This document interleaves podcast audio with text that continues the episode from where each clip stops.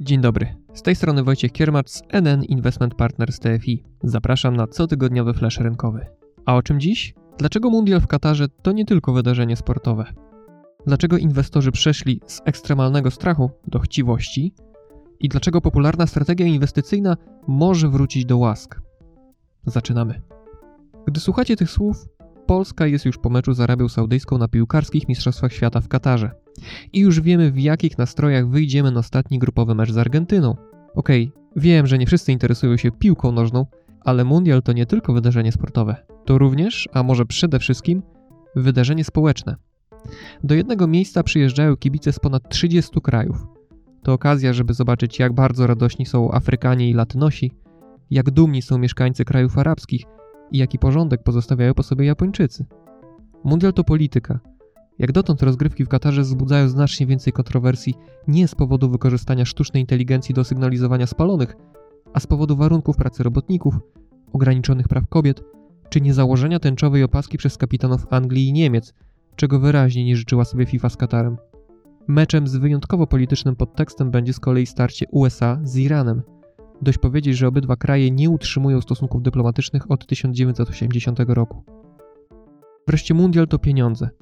Katar, kraj mniejszy od województwa śląskiego, według medialnych doniesień wydał na mistrzostwa ponad 200 miliardów dolarów, wielokrotnie więcej niż którykolwiek poprzedni gospodarz. To nie tylko koszt samych ośmiu stadionów, z czego siedem zbudowanych od zera, ale również budowa całej infrastruktury w Dałsze, w tym sieci metra, który można dostać się niemal na każdy z obiektów. Na gospodarczą naturę mundialu można popatrzeć z perspektywy wszystkich drużyn, które biorą w nim udział. Jak myślicie, który kraj na mundialu ma największy PKB per capita? Szwajcarzy. Kto ma aktualnie najwyższą inflację w swoim kraju? Argentyna. W październiku roczne tempo wzrostu cen wyniosło aż 88%. Kto ma największy rynek akcji na świecie? Amerykanie. Ciekawostką jest, że Polska i jej grupowi rywale, a więc Meksyk i Arabia Saudyjska, mają bardzo podobnie ocenione systemy emerytalne w corocznym zestawieniu Mercer Global Pension Index. Na 100 możliwych do uzyskania punktów te trzy kraje otrzymały między 55 a 60, wpadając do koszyka krajów z bardzo przeciętnym systemem, z wieloma mankamentami. Wśród wielu rzeczy do poprawy, Meksykanie powinni popracować nad włączeniem do systemu osób pracujących na czarno, no na przykład poprzez zmniejszanie szarej strefy. Saudyjczycy powinni pomyśleć nad podniesieniem najniższej emerytury, a Polacy? Cóż, nad dalszym włączaniem osób do prywatnych programów pracowniczych takich jak PPE czy PPK oraz nad zwiększeniem ogólnej puli oszczędności gospodarstw domowych, których wartość na osobę jest jedną z najniższych w Unii Europejskiej. Zupełnie osobnym wątkiem jest Argentyna, z którą gramy w środę. Oprócz hiperinflacji ma również jeden z najgorzej ocenionych systemów emerytalnych.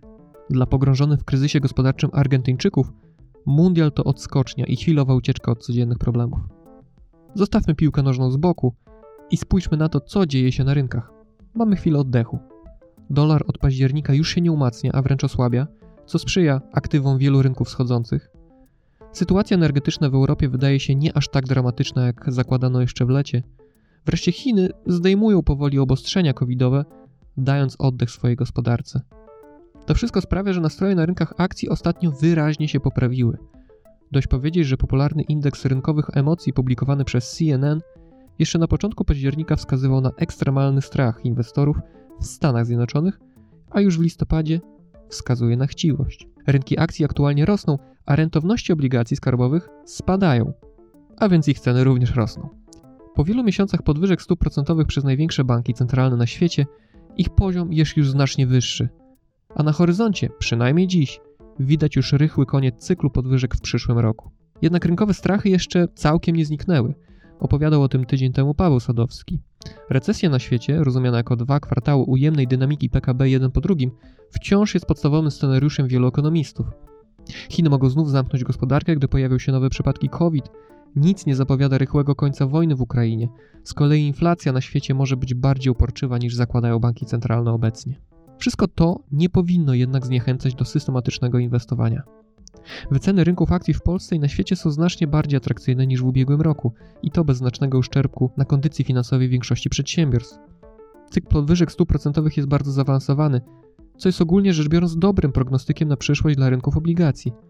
Są więc mocne argumenty za tym, że jeszcze niedawno krytykowana strategia 60 na 40, czyli 60% portfela w akcjach lub funduszach akcji i 40% portfela w obligacjach lub funduszach obligacji, może wrócić do łask. To tyle na dziś. Do usłyszenia za tydzień.